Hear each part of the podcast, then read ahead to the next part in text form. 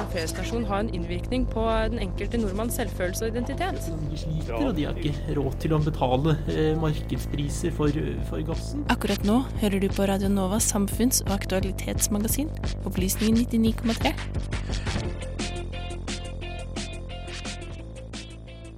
En av de største utfordringene innenfor brexit omhandler grenser og handel. Hvilke land vil Storbritannia handle med i fremtiden?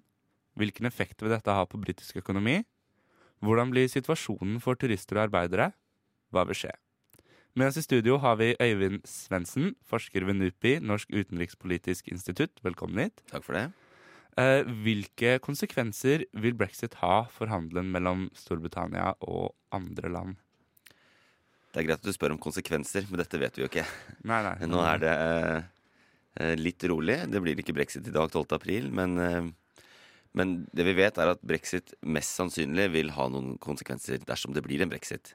Så er det avhengig av hva slags brexit det blir. Altså Nå når Theresa May har vendt seg mot Arbeiderpartiet og Jeremy Corbyn for å prøve å søke kompromiss der, så kan det tenkes at brexit blir eh, eh, får en sånn handelseffekt at britene blir værende i tollunionen. Det er jo det Labour-partiet ønsker. Og hvis de blir værende i tollunionen, så vil britene fortsatt eh, måtte handle med verden gjennom eh, medlemskap i EUs tollunion, altså ved, ved å ha de samme tollene eh, og handelsavtalene som EU har. Blir det en annen type brexit, hvor de får handle selv, så får vi denne Global Britain, som var slagordet det, det føles lenge siden, da, da Boris Johnson var utenriksminister og reiste rundt og fortalte om visjonene for Storbritannia utenfor EU. Og Da var det et, et Storbritannia som skulle tegne sine egne handelsavtaler og, og handle bilateralt med hele verden. Ja. Eh, men hvilke muligheter har de for handel, hvis vi på en måte ser bort fra EU og tollunionen? Altså Det internasjonale rammeverket for handel er jo Verdens handelsorganisasjon. Så det har vært britenes poeng hele tiden, at eh, om vi går ut eh, av EU og ikke er med i det indre markedet der og tollunionen, så kan vi fortsatt handle med verden. Vi kan handle med EU. Da må, da må britene ha en avtale med EU, fordi EU er en tollunion. Eh, og så kan de tegne bilaterale eh, avtaler med andre land og handle gjennom de, reglene som, de internasjonale reglene som vi har gjennom Verdens handelsorganisasjon. Men um, Donald Trump, Amerika, Amerikas president, gikk jo ganske tidlig ut for så vidt og sa det at Storbritannia på en måte alltid hadde en mulighet for å handle med USA. Har de egentlig noen sikkerhet for at de kan finne andre handelspartner? Det er jo sånn at For liksom den globale handelen så er det jo på en måte en fordel at det er Storbritannia her som melder seg ut, eh, og ikke f.eks. Malta. Malta ville kanskje hatt det vanskeligere med å sende folk rundt omkring til hovedstaden i verden og spørre kan vi få en handelsavtale. Vil dere ha en handelsavtale med Malta?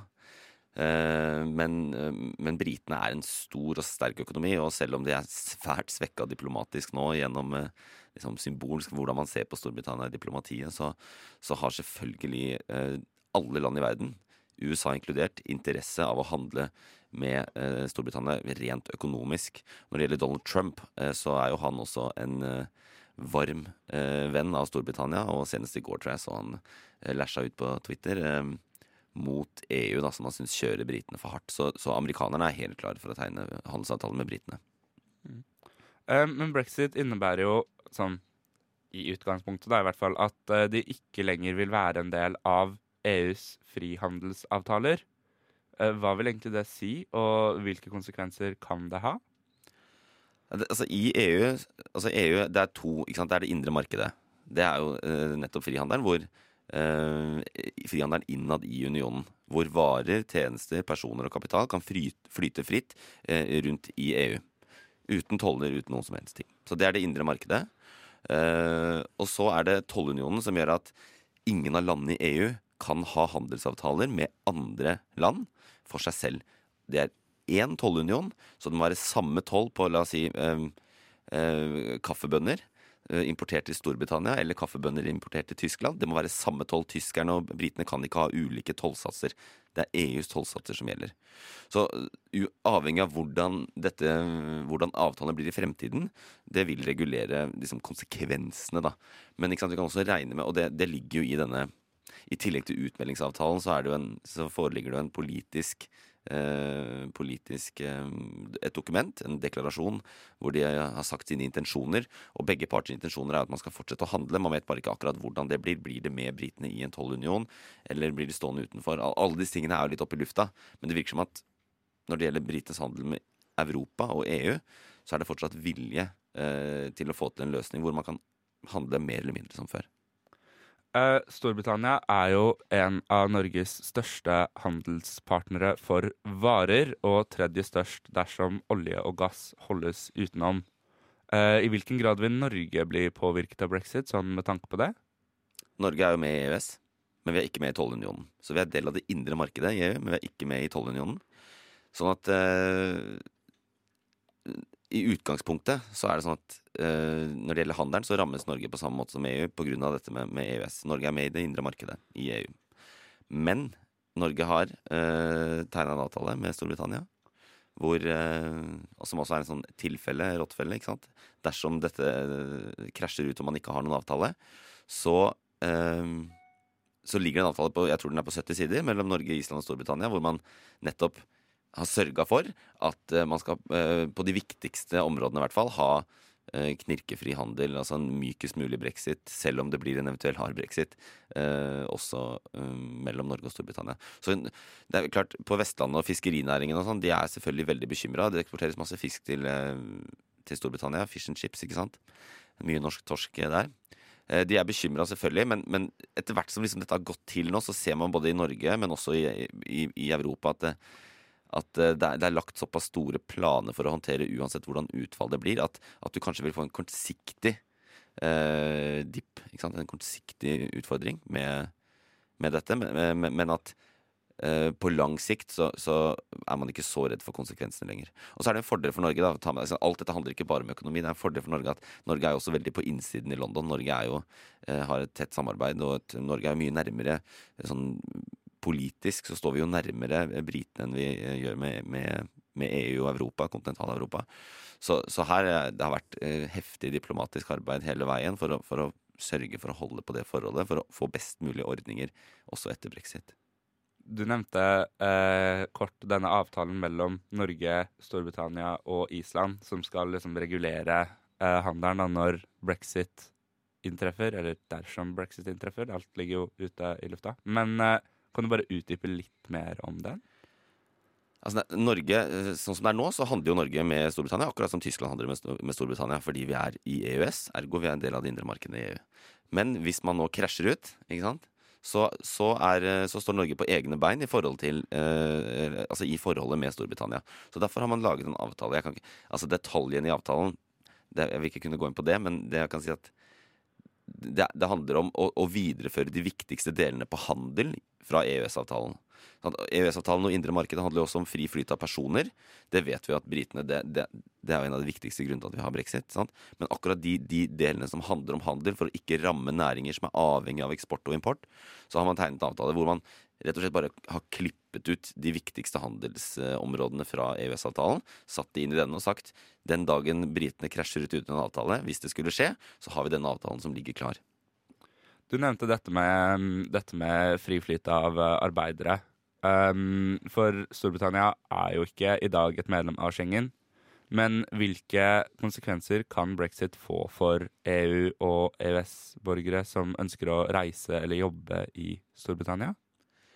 Dette, var, dette er det en del snakk om, det, men det brukes mindre og mindre som politisk, eh, som politisk eh, argumentasjon. Fordi at det er Det tyder veldig Dere hadde jo akkurat Ansa inn her. ikke sant? Det, det, er veldig lite som tyder på at dette skal gå utover borgerne. Og det har vært alles klare standpunkt fra første stund. Og denne utmeldingsavtalen på, på 600 sider har jo en stor del om nettopp det, borgeres rettigheter. Og det var en av de viktigste tingene for både EU og Storbritannia å bli enige om. Borgernes rettigheter må sikres. Sant? Eh, vi kan ikke ha, få et brexit hvor plutselig eh, britene kan kaste ut eh, 200 000 polakker på dagen, mens, mens eh, fem millioner briter som bor i, i Europa, blir sendt tilbake til Storbritannia. Så det er egentlig på plass, det meste. Og Norge har jo også en bilateral avtale der også. Skulle vi krasje ut, så har Norge en avtale om at norske borgere i Storbritannia er sikra, og det samme gjelder den andre veien. Yes. Øyvind Svendsen, vitenskapelig assistent eh, og forsker ved NUPI. Du blir her litt til. Mr. Speaker, the government has been defeated again by an enormous majority. Of the country, no.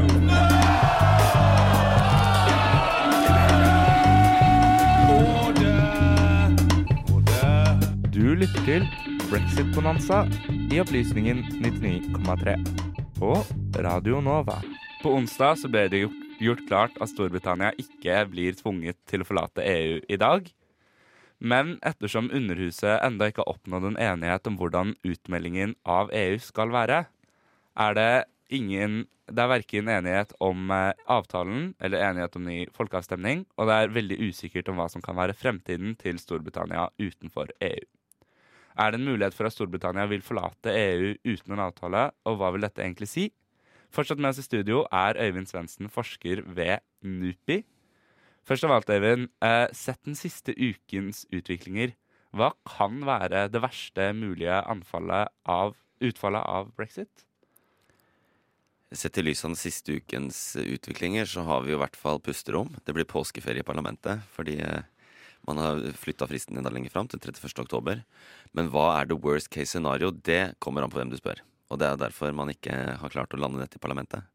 Fordi worst case scenario er vi i ferd med å se nå, nemlig hvis man spør Jacob Rees-Mogg og Boris Johnson, nemlig at man nok en gang utsetter brexit, og man blir værende i EU kanskje fram til 31. oktober, og hvis man ikke blir enig før før 22. mai så må man jaggu også velge eh, representanter til det Europaparlamentet, som for de fleste er et worst case scenario. Det er liksom bred enighet i EU om at det vil jo være en liten skandale nå, at vi skal uh, kjøre en sånn valgkamp. Det vil jo bli en forferdelig valgkamp, antageligvis. Um, som ikke kommer til å handle om europeisk politikk, men som kommer til å handle om brexit og, og, og posisjonering der. Uh, så uh, worst case scenario for Theresa May, for eksempel, det vil jo være at britene blir værende i EU fordi hun har gjort hele sin statsministerkarriere, selv om hun egentlig var for å bli, så har hun gjort statsministerkarrieren på at vi skal ut. Eh, så hun er jo inni Hun har jo lovet at det skulle skje 29. mars, så vi er i worst case scenario for Theresa May. Ehm, for eh, for remainerne, de som ønsker å bli EU, så er vi Så er worst case scenario ikke bare remainerne, egentlig, for, for, veldig mange andre. Worst case scenario 31. oktober, halloween-kvelden. Eh, britene går ut uten avtale. Det, jo, det har vært det cliff edge, det har vært det, det chaos scenario for mange, at de går ut uten avtale. mens for andre er worst case at de blir ja. i EU. Ja, for det er jo virkelig en uh, trick or treat. Uh, bare at det blir trick or trick, da, hvis de uh, må gå ut uten en avtale. Men hvilke muligheter har egentlig Storbritannia for å komme seg ut av unionen nå?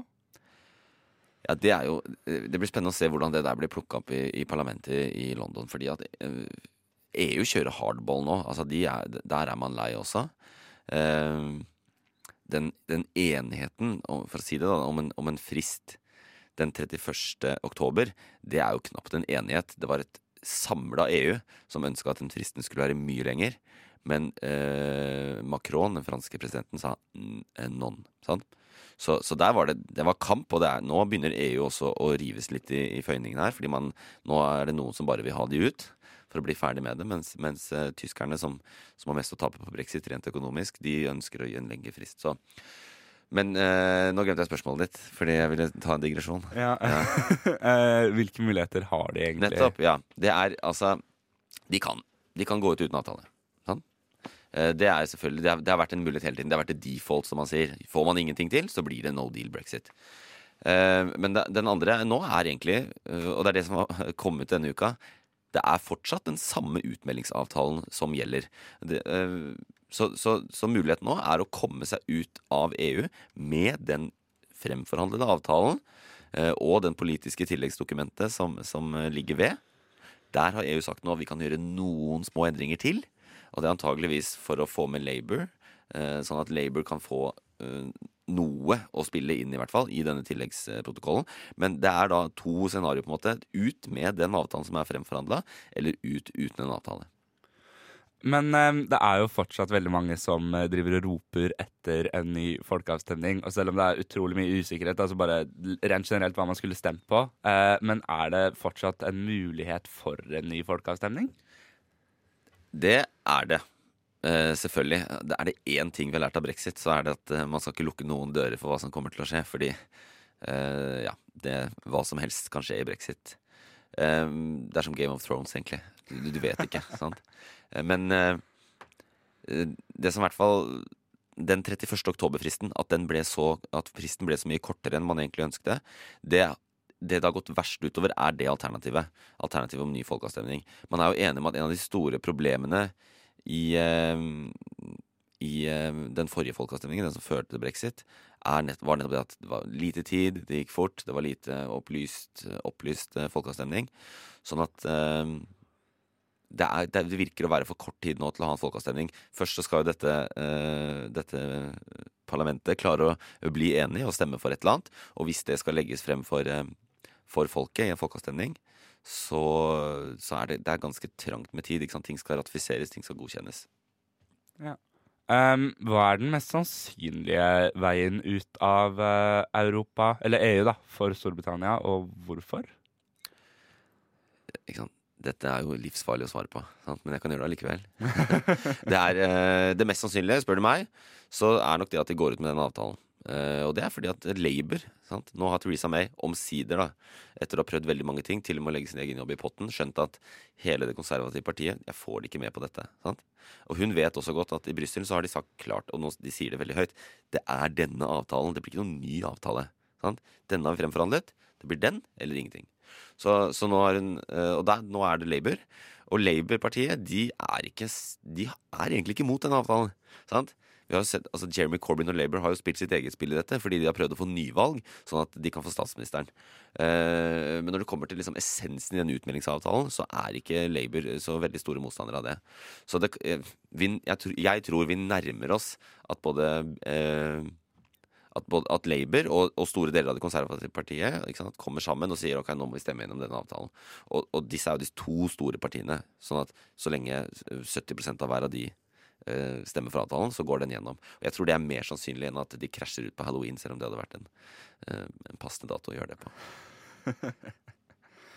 Men eh, det er et begrep som liksom dukker opp veldig veldig sjeldent, men innimellom som kanskje ikke så veldig mange, spesielt nordmenn, men kanskje også briter, ikke har hørt om, og det er Operation Yellowhammer. Eh, hva er egentlig det? Det er jo, ikke sant, Dette er språk. Operation Yellowhammer. Det høres veldig militært ut, og det høres veldig veldig dramatisk ut. Og det ble jo litt. Det, altså, denne kom jo ut Det lekka et dokument. Sant? Det var noen som så notatene til noen at Oi, her planlegger de en Operation Yellowhammer. Men det er egentlig bare en del av en større pakke hvor britene forbereder seg på no deal. Disse, disse forberedelsestiltakene er jo ikke like eh, aktuelle nå, fordi at dette skjedde i slutten av mars. Ok, vi nærmer oss 29. mars. Hva skjer? Vi vet ikke om vi får en utsettelse. Vi vet ikke om vi kan be om en utsettelse. Sånn at eh, på det tidspunktet så starta man disse tiltakene. Eh, som handler om å, om å motvirke en, en, en, eh, en no deal brexit. Så, men Operation Yellowhammer det er 60 navn, og sånn, men det er bare en del av mange tiltak. Kent, byen Kent, de, er de, som, de starter sine egne. Fordi eh, dersom no deal eh, eh, skulle komme inn i effekt, så har du denne Dover-Calais, altså eh, ferjegrenseovergangen mellom eh, Frankrike og Storbritannia, hvor man var redd for at det skulle bli lange køer. ikke sant? Eh, Kilometer på kilometer med køer med lastebiler som ikke kommer noen vei. og sånn. Så Kent har vært veldig sånn frampå da, med å iverksette forskjellige tiltak. Men ikke sant, det er litt språk. Operation Yellowhammer, ja. Det kan, EU har jo også masse av dette, og de har publisert alle dokumentene om hva de har gjort. Men der kaller man det contingency plans. Sant? Så forberedelsestiltak. Det er det der. Det er liksom fallback hvis, det- hvis det blir en hard brexit. Sånn at man har eh, man, man gjør noen tiltak for å unngå at det blir eh, så smertefullt som det kan bli.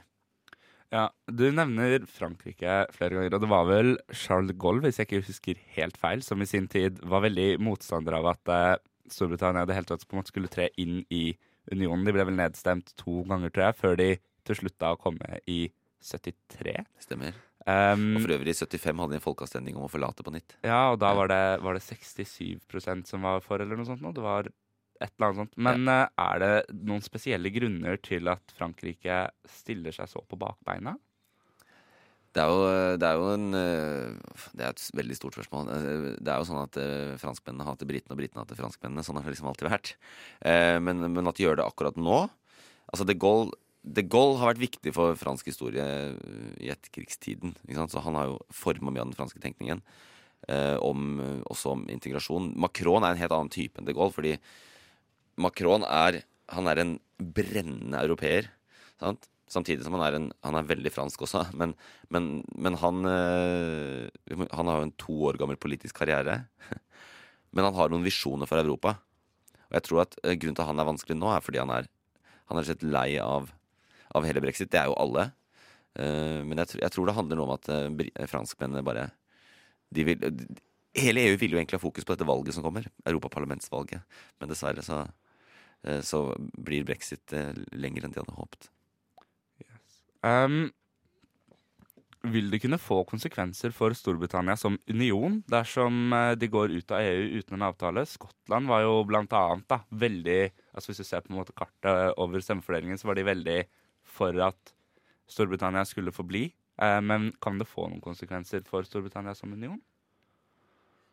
Og, eh, rent formelt så må jo skottene spørre britene om de, eller engelskmennene om de kan få lov til å gå ut av, eh, av EU. Men eh, det skotske nasjonalistpartiet, som har alle setene fra, fra Skottland i, i Underhuset i London, de, altså deres kommentarer til alt det som skjer nå, er det samme hver gang. Det er at vi skal Vi forlater Storbritannia dersom dere ikke får til en god brexit. Så um, det, it's all in the air, men, men skottene ønsker nok det.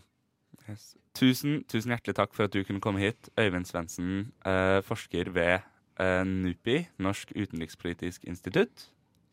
Vel, takk.